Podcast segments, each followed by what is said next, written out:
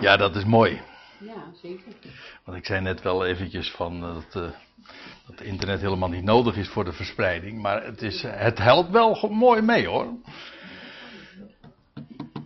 Wij zijn inmiddels uh, aangekomen bij de zesde stelling. En dat betekent dat we nog maar eigenlijk twee te gaan hebben, maar dat zijn wel de meest uh, ja, belangwekkende. Eigenlijk de ene stelling is min of meer ook gebaseerd of gebouwd op de volgende stelling. En die luidt als volgt. In het besnijdenis-evangelie, ik heb dat al even eerder gedefinieerd, uh, van de zeven ecclesia's, namelijk die van openbaring 1 en 3 tot 3, speelt de nabijverwachting een grote rol. Dat woord nabijverwachting moet ik misschien nog even uitleggen, hoewel het eigenlijk al wel erg voor de hand ligt. Dat is de verwachting dat de, het koninkrijk van God zich zou manifesteren, zou openbaar worden in die generatie. Dat is een heel belangrijk element. Dat is dus niet iets van oh, veel later. Nee, in die generatie zou dat alles zijn beslag gaan krijgen. En ik wil een paar dingen uh, daar uh, al, uh, al van gezegd hebben. ik wil het laten zien vanuit die brieven zelf. Maar eerst eventjes wat die verwachting betreft in het algemeen van het besnijdenis-evangelie. Je leest in Handelingen 1 dit. Om even ook aan te voelen hoe dat in die dagen, ik bedoel in de tijd van de handelingenperiode, geleefd heeft. Dan lees je vlak voordat de Heer Jezus ten hemel voer, daar op de Olijfberg, dat, dan, dan staat er, zij dan, die dan, eh, zij dan die bijeengekomen waren, vroegen hem, zeggende, Heer, herstelt u in deze tijd het koninkrijk voor Israël. En dan geeft de Heer een. Om, hij maakt een omtrekkende beweging met zijn antwoord. Dan zegt hij: Het is niet aan jullie te weten tijden of gelegenheden die de Vader plaatste in zijn eigen autoriteit. Die de Vader aan zich gesteld heeft, of zoiets staat er in de MBG-vertaling. Uh, met andere woorden, hij zegt niet, hij zegt geen ja. Hij zegt ook geen nee. Hij geeft ze wel een mandaat, een, een opdracht mee, een taak. Hij jullie, eigenlijk ook een belofte. Ja, zo moet ik het eigenlijk zeggen. Jullie zullen mijn getuigen zijn. Dat betekent, er is niet eens in de eerste plaats een opdracht. Het is een, ja, een missie, maar ook een belofte. Jullie zullen mijn getuigen zijn in Jeruzalem, Judea, Samaria, tot aan de einden van het land. Of van de aarde. Maar in die tijd, dat was, de, dat was de verwachting. En als we dan nog eventjes verder lezen, dan zijn we inmiddels voorbij de Pinksterdag. En dan is het Petrus die opstaat en uh, het woord richt tot zijn volksgenoten. En dan zie je ook hoe dat die boodschap gepredikt uh, werd. Want waarom verwachtte men dat zo dat het aanstaande was. Het was ook aanstaande. Er hoefde maar één ding te gebeuren. En dat wil ik laten zien. En vers is in de laatste, ja, in de Bijbelstudies al, al vaak genoeg, denk ik, aan de orde gekomen. Maar ik denk dat het buitengewoon belangrijk is om je te realiseren hoe dit de hele sfeer ademt van alle geschriften van het Nieuwe Testament. De brieven, namelijk de verwachting dat in die dagen het koninkrijk zou baanbreken. En die verwachting was ook solide. Dat wil zeggen, uh, was, uh, was heel reëel. Want wat zegt Petrus dan, nadat die, eh, die man die uh, verlamd was vanaf, de, vanaf zijn geboorte, genezen was. En dan lees je dat hij dan het woord voert, uh, het woord neemt. En dan zegt hij, in, vanaf vers 19, bezin je dan, zegt hij tegen het volk. En keer om, opdat jullie zonden uitgewist worden. En dan, zodat er perioden van verfrissing mogen komen. Van het aangezicht van de Heer. En Hij, de Heer, God, zou afvaardigen de voor jullie, Israël, bestemde Christus, Messias, Mashiach. Namelijk Jezus. Waarvan zij nu konden getuigen. Hij is opgestaan. Hij is ten hemel gevaren. Hij is nu in de hemel. Dat staat hier ook, want er staat erachter. Hij zou dan, uh, hij zou afvaardigen de voor jullie bestemde Christus, Jezus, die de hemel moest ontvangen. Namelijk tot op de tijden van herstel. Van alles waarvan God sprak bij monden van zijn heilige profeten vanaf de Aion. Dit is een concordante uh, weergave. Maar ook in de Statenvertaling, de MBG-vertaling, uh, lees je soortgelijke dingen.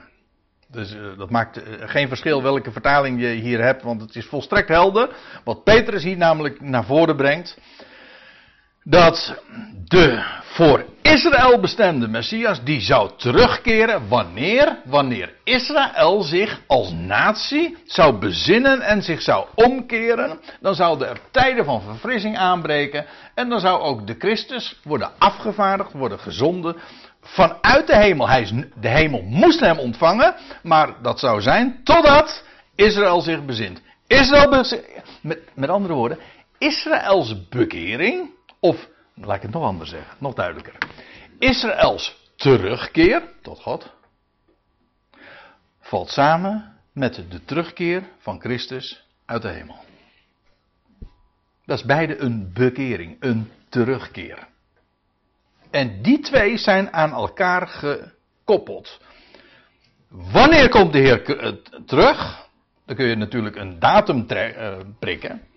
Dat is één manier. Maar je kunt ook gewoon de context schilderen en uh, gewoon de situatie. Namelijk, hij keert terug als Israël zich bekeert. Dan. En dat is de prediking. De Christus is er. Hij is opgestaan. Jullie, jullie hebben hem gekruisigd, maar dat was in onwetendheid. Maar God heeft op die wijze uh, de profetieën in vervulling doen gaan. Had Petrus net daarvoor gezegd. En nu is het afwachten. En nu is, wat is jullie reactie? En nu wordt Israël als natie dus opgeroepen om zich te bekeren. En dan zou de Christus terugkeren en dan zouden de tijden van herstel, namelijk van alles waarvan God sprak, uh, aanbreken. Dat wil zeggen, alles wat waarvan de profeten hebben gesproken zou worden hersteld. En in de eerste plaats natuurlijk ook het huis en de hele koning, de troon van David. Gereconstrueerd worden. Nou ja, uh, dit moet duidelijk zijn. Dit was, kijk, als je het nou hebt, uh, dat, is een advies dat ik uh, u, of jullie geef. Als je nou een, een een vers wil koppelen aan het evangelie van de besnijdenis, dan zou ik Handelingen 3, vers 19 tot 21 noemen. Als er iets is wat het evangelie van de besnijdenis typeert, dan is deze boodschap. Namelijk de boodschap dat Israël zich zou bekeren. En als ze zich bekeert, dat dan het koninkrijk openbaar wordt en de Christus terugkeert en herstel zal aanbreken, et cetera, et cetera.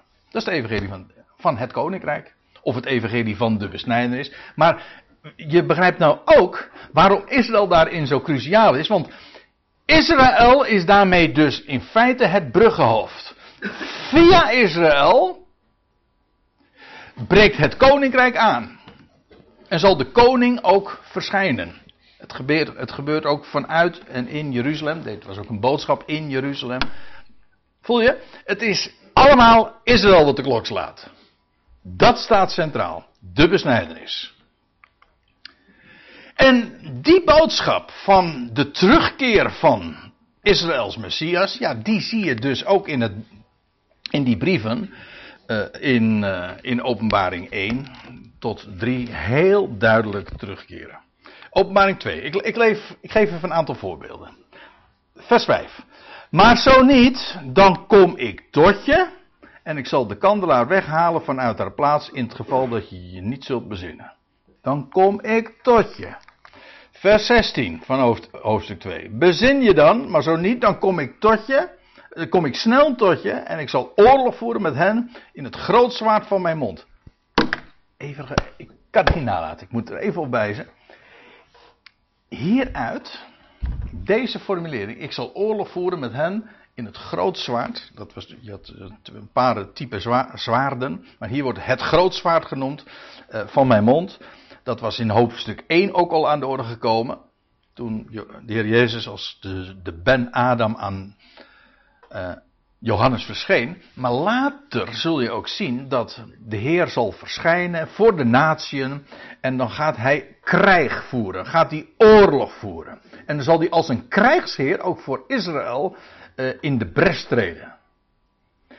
Nou, daar in die context staan ook deze brieven. En er wordt ook de, de terugkeer van Israëls Messias wordt gekoppeld aan, aan, aan de oorlogsvoering met de volkeren. Zie je, het is een. En wat ik eigenlijk wil zeggen, die hele setting van deze brieven is eindtijdelijk. Het is Israëlitisch, maar plaatst ons ook in de tijd van het einde, de tijd namelijk van de terugkeer en van Israëls Messias en daarmee ook het baanbreken van het koninkrijk, et cetera, et cetera. Nog een voorbeeld. Vers 25. Maar wat jullie hebben. Het is, het is iedere keer een verschillende ecclesia die wordt aangeschreven, aangesproken. Maar wat jullie hebben, houdt dat vast. Totdat ik, wanneer dan ook, zou arriveren of zou komen. Hoofdstuk 3. In het geval dan dat je niet zou waken, zal ik als een dief arriveren. Je zult beslist niet weten welk uur ik bij jou zal arriveren. Dan weet je trouwens ook meteen dat dit van andere orde is dan wat Paulus schrijft. Want Paulus zegt, voor ons verschijnt hij natuurlijk niet als een dief. Wij weten gewoon hoe laat het is.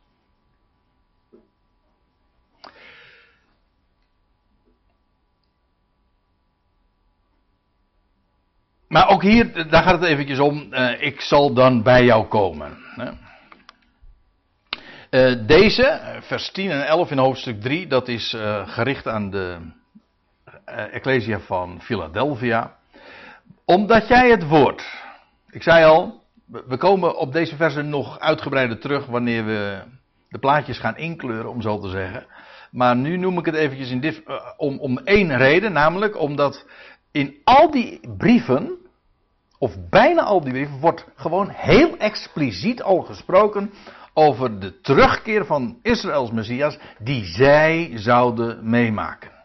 Ja, in welke conditie zij zich zouden bevinden, dat was nog even, dat is precies waar ze over wordt aangesproken. Maar dat zij dat zouden meemaken, dat staat als een paal boven water. Omdat jij, wordt tegen Philadelphia gezegd, of tegen de boodschapper van Philadelphia. Omdat je, jij het woord van mijn verduren bewaart, zal ik ook jou bewaren. Uit het uur van beproeving dat aanstaande is. Of de beproeving die aanstaande is. Over heel de bewoonde wereld. Om de, te beproeven hen die op de aarde wonen. Hierin zie je trouwens ook weer, dit is die tijd van het einde. De tijd van de terugkeer van de Messias en de openbaarwording van zijn koninkrijk. Ik kom snel. Houd vast wat je hebt, opdat niemand jouw lauwerkrans, jouw kroon zou nemen. Ook hier weer is de setting eindtijdelijk. Om het even theologisch te zeggen, doe ik liever niet, maar goed. Hè? Eschatologisch, dat wil zeggen, we worden geplaatst in de tijd van het einde.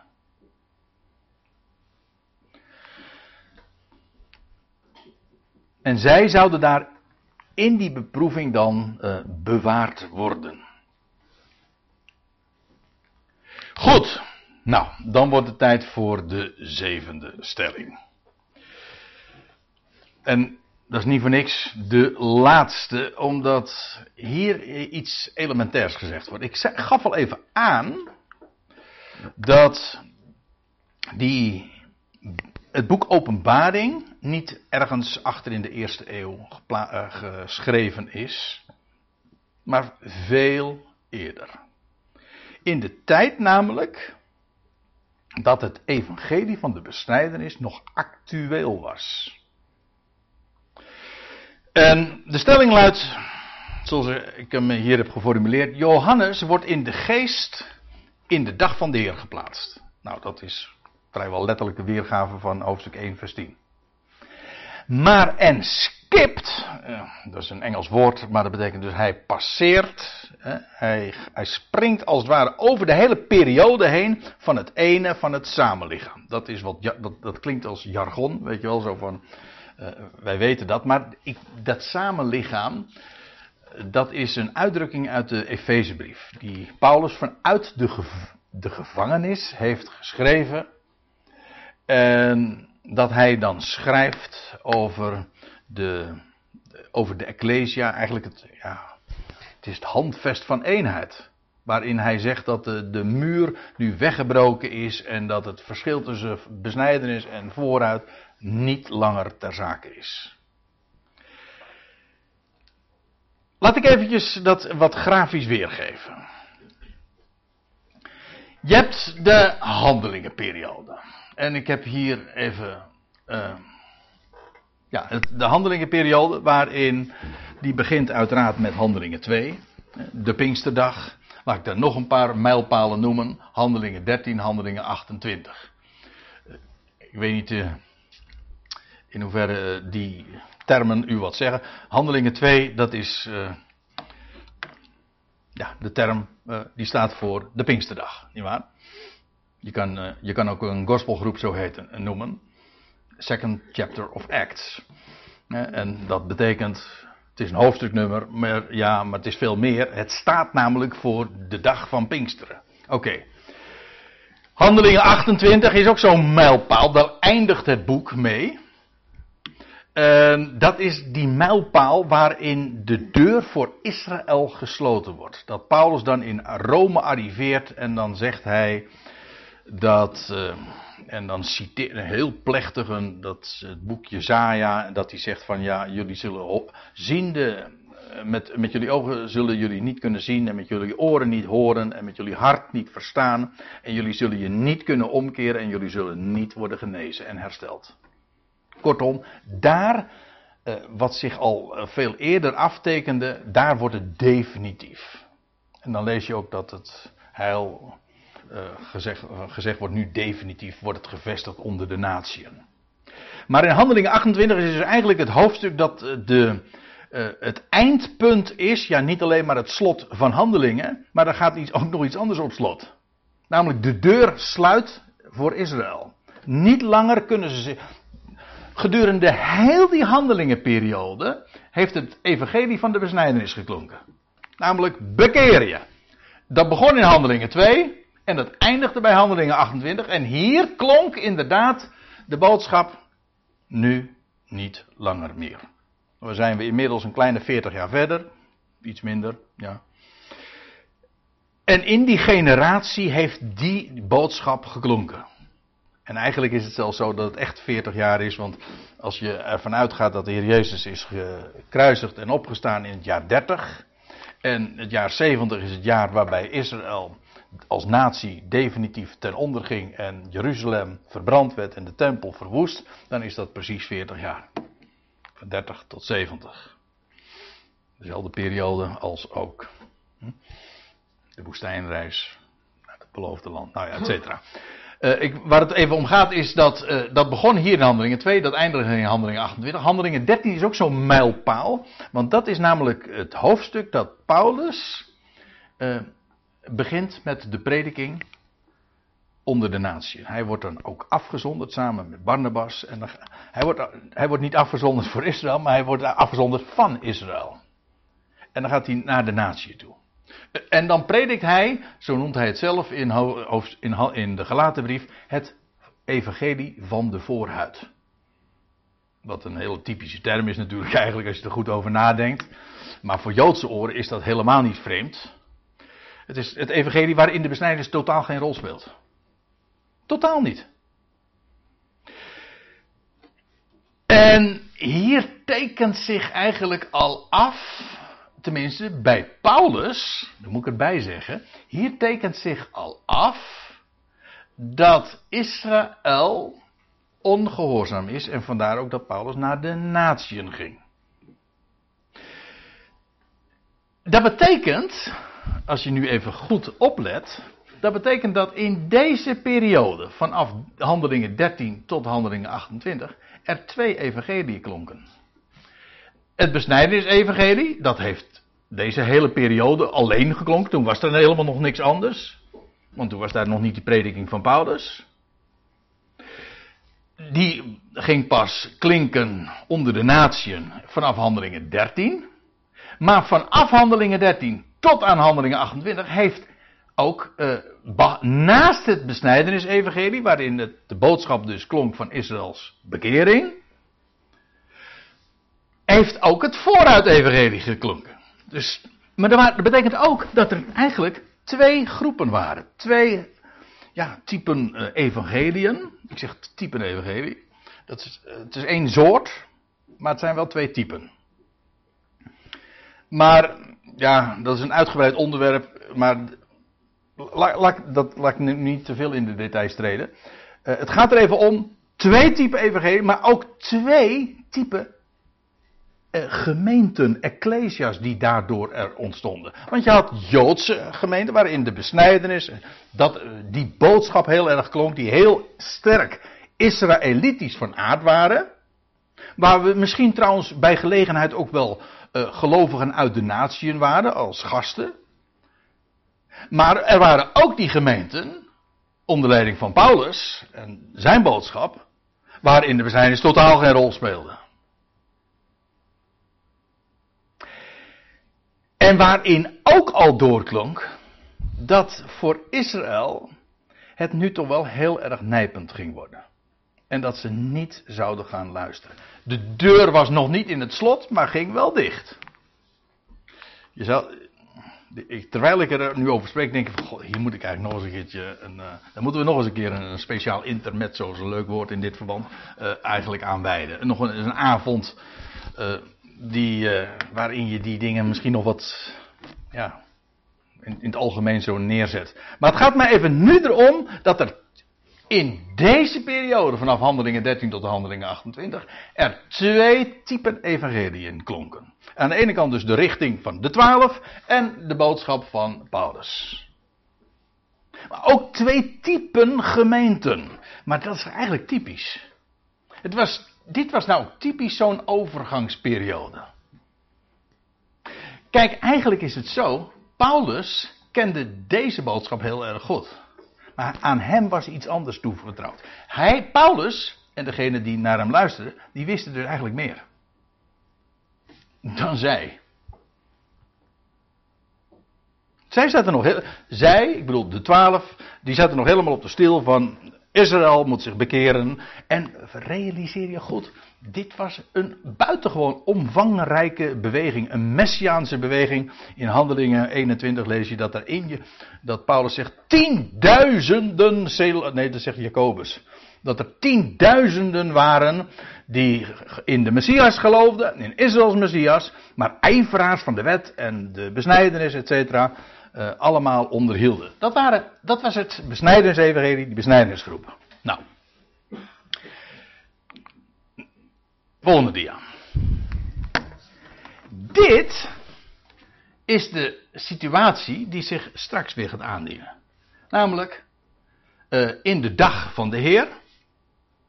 En wat, uh, wat je dan krijgt is deze periode van het besnijdenis-evangelie wordt dan gewoon weer hervat en of, of anders gezegd voortgezet.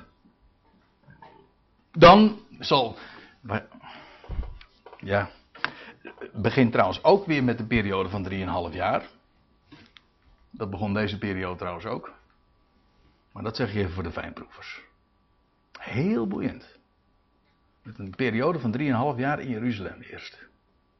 En daarna de natie. Maar goed, uh, eerst, uh, dat besnijdersevangelie, dat klonk hier in deze, uh, in deze hele handelingenperiode. Maar straks, in de dag van de Heer, gaat dat gewoon weer hervat worden. En dan begint God weer met een getuigenis daar in Jeruzalem. Ik bedoel, dat is allemaal na de opname, van de wegrukking van de Ecclesia. Dan begint God weer met een nieuw getuigenis. En waar komen die getuigen dan vandaan? Ja, het begint met twee getuigen dan, hè. Hm. Die heb je nodig hè, voor een getuigenis, wil het ze vaststaan.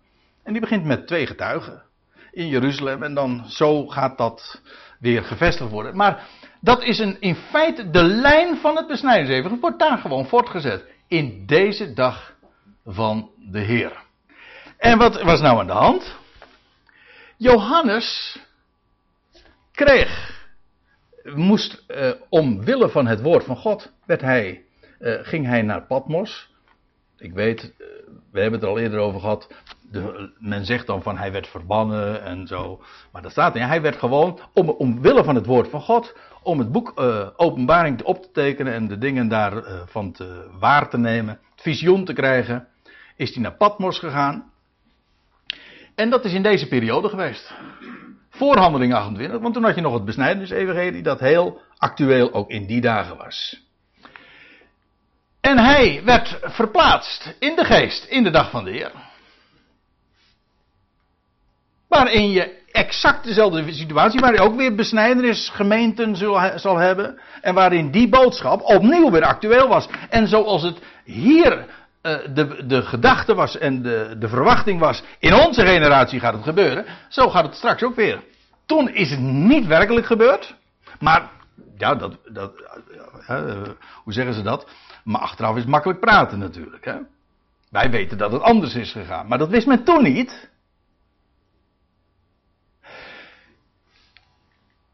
Straks, na de wegrukking van de gemeente, dan begint er weer een nieuw getuigenis Israëlitisch van aard, Israël, Jeruzalem en de besnijders, etc. spelen een grote rol. In die dagen gaat het alsnog gebeuren. Toen dacht men dat het zou gebeuren, had ook gekund, maar dan gaat het daadwerkelijk gebeuren. En dit is eh, in de dag van de Heer dus een voortzetting van het besnijdensevangelie. Ja? Ik geef toe, er is wel wat aan te merken op het plaatje, maar ik hoop dat het duidelijk is. Waar Johannes niet over schrijft. Hier en ik ga er vanuit zelfs volkomen onwetend over was, is van dit fenomeen. Namelijk dat er na handelingen 28 niet een. Uh, niet dat het evangelie. Dat het, toen het koninkrijk aanbrak. Maar toen kreeg je iets anders. De deur viel in het slot voor Israël. Israël kan zich niet meer bekeren. En dan is het Paulus die het geheim voluit gaat openbaren en aan, dat het ook aan de apostelen bekendgemaakt wordt. Daarover schrijft hij in, de, in, Efeze 3 dat het geheimenis ook aan de apostelen, ook aan Johannes dus, verteld wordt. Dat is, dit zijn waarheden die hij optekent in de Efezebrief. Dat zijn waarheden die uh, hij vanuit de gevangenis, na handelingen 28, allemaal zo neerlegt. Dan wordt het geheim voluit geopenbaard. Er waren al hints gegeven in, in deze periode in zijn brieven, maar ten volle wordt het geopenbaard vanuit de gevangenis. En dat is ook wanneer inmiddels het slot, eh, de deur in het slot gevallen is voor Israël, dat zich niet meer kan bekeren. En, nou krijgen we nog iets belangrijks. Vanaf deze periode, vanaf dat de, uh, Israël zich niet meer kan bekeren, krijg je een hele andere situatie. Namelijk dat de twee, besnijdenis en vooruit, zoals je gedurende deze periode van de handelingen, had je dus twee lijnen. Namelijk de besnijdenis en de voorhuid.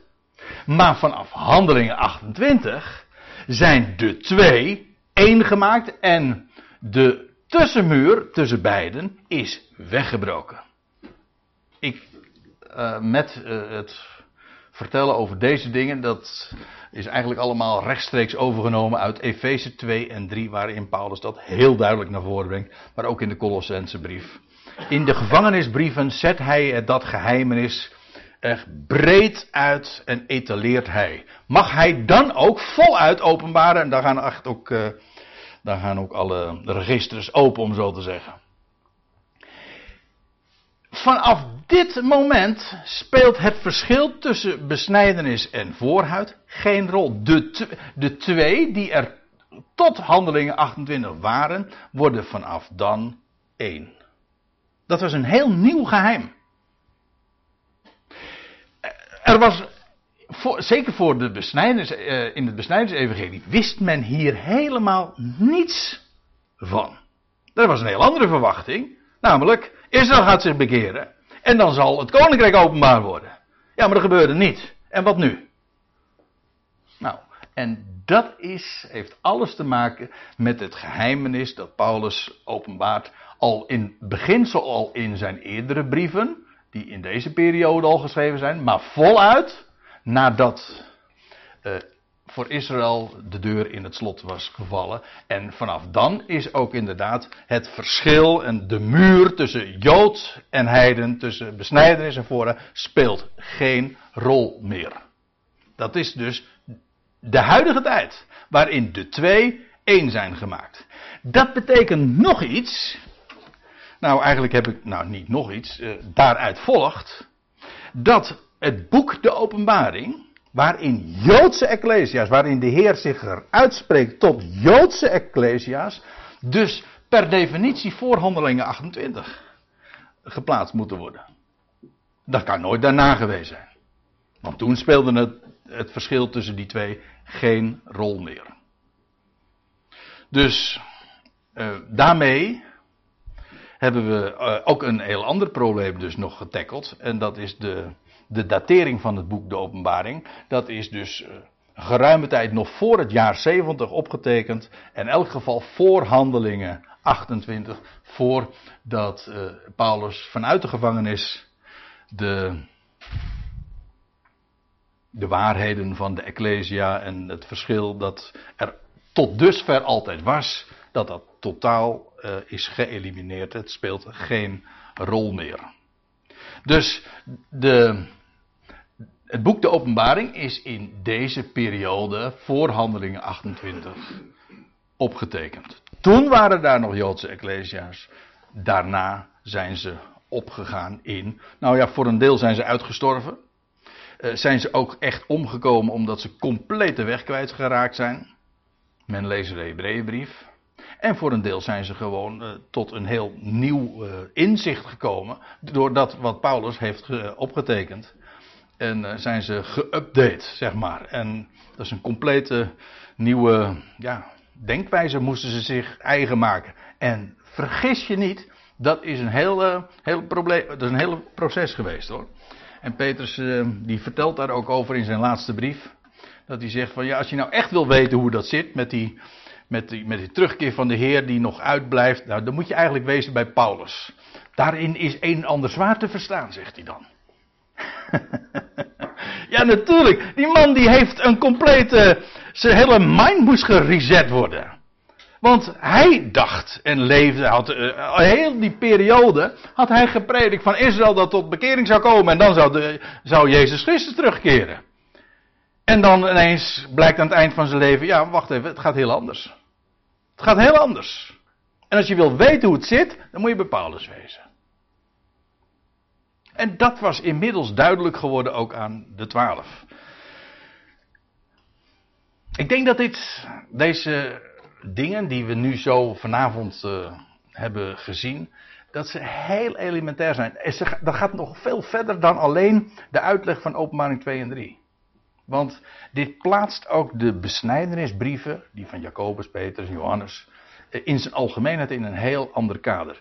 Dus ook uh, een vraag waar we het even, die ik formuleerde aan, bij de aanvang van de avond, namelijk uh, zijn die brieven in openbaring 2 en 3, is dat toekomstig of is het verleden? Dat is niet of-of, het is en-en. Ze zijn geschreven in deze tijd dat er echt daadwerkelijk Joodse ecclesia's waren, maar die worden verplaatst in de dag van de Heer, waarvan toen ook nog steeds de actuele gedachte was, dat gaat binnen afzienbare tijd gebeuren. Ja, en dat uh, laat ik afsluiten. Ik zie dat het tien voor is, dus dat, is, uh, dat kan ik nog mooi eventjes doen. Laat ik afsluiten met een woord dat we vinden aan het einde van het Johannes-evangelie. En ik herinner me dat ik bij een andere gelegenheid, welke weet ik niet meer, dat ik toen ook deze verse heb genoemd. En we zitten hier, uh, om eventjes het tafereel te, te lokaliseren. We zitten hier aan het meer van Genezaret, aan een kolenvuur.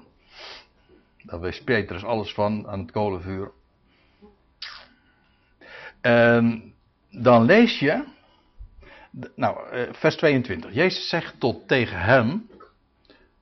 Uh, Jezus zei tegen hem, dat is tegen Petrus. Ja. Als ik wil dat hij, en dan gaat het over Johannes. Als hij blijft, dat hij blijft totdat ik kom. Wat gaat het jou aan? Jij, Petrus, volg jij mij.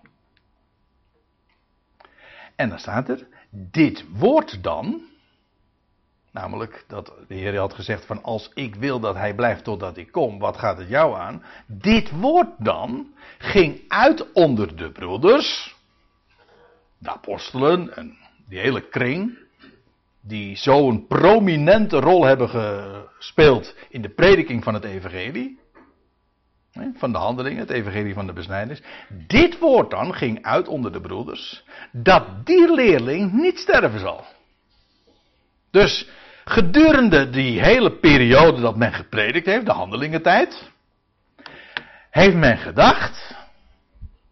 Johannes die gaat het meemaken.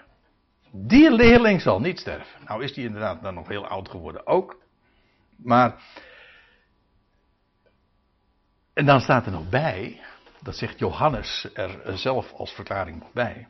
Maar Jezus zei niet tegen hem, tegen Petrus, dat hij niet sterven zal.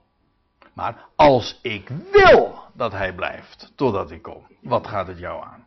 En ik ben ervan overtuigd, en u mag er anders over denken, dat dat misverstand een reden had. De Heer heeft expres ook dat misverstand in die periode zo gelaten. Dat was, dat gaf uh, alleen maar voeden, des te meer ook power aan het appel om dat Israël zich toen zou bekeren. In die dagen zou het gebeuren en Johannes zou het nog meemaken. Later heeft men dat moeten herzien en ook moeten toegeven dat dat niet zo direct was gezegd, maar het was niet voor niks dat men dat al die tijd gedacht heeft. En, moet ik er nog iets bij zeggen, feitelijk heeft Johannes ook voordat hij stierf de terugkeer van de Heer al meegemaakt. Want hij is namelijk, weliswaar in de geest, verplaatst in de dag van de Heer. En heeft het allemaal meegemaakt en gezien en getuigd en opgetekend.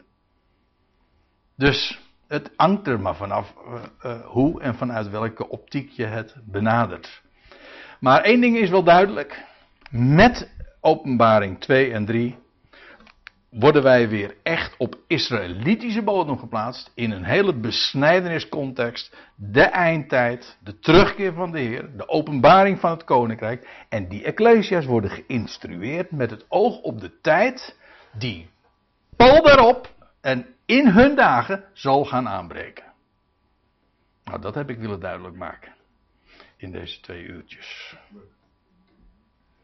Dus ik hoop dat het. Uh, zo uh, wat, uh, wat systematisch is opgebouwd en dat ik deze stellingen zo met de bijbehorende bonnetjes in goede orde zo heb afgeleverd. Ik zou zeggen, overdenk het een en ander nog eens, want ik, ik leg het alleen maar neer. Ik bedoel, ik denk gewoon met u mee en toevallig mag ik dan het woord voeren, maar het is pas waar wanneer je het zelf hebt gezien in de schriften. Dus ik ben misschien dan wel erg stellig. Sommige mensen nemen dat kwalijk. Hij is altijd zo stellig. Dat ben ik ook wel. Maar neem die stelligheid pas over wanneer u zegt van waarachtig het staat geschreven. Inderdaad, het klopt. Dan mag je ook stellig zijn. Vind ik. Zeg ik dan bescheiden bij. En niet eerder.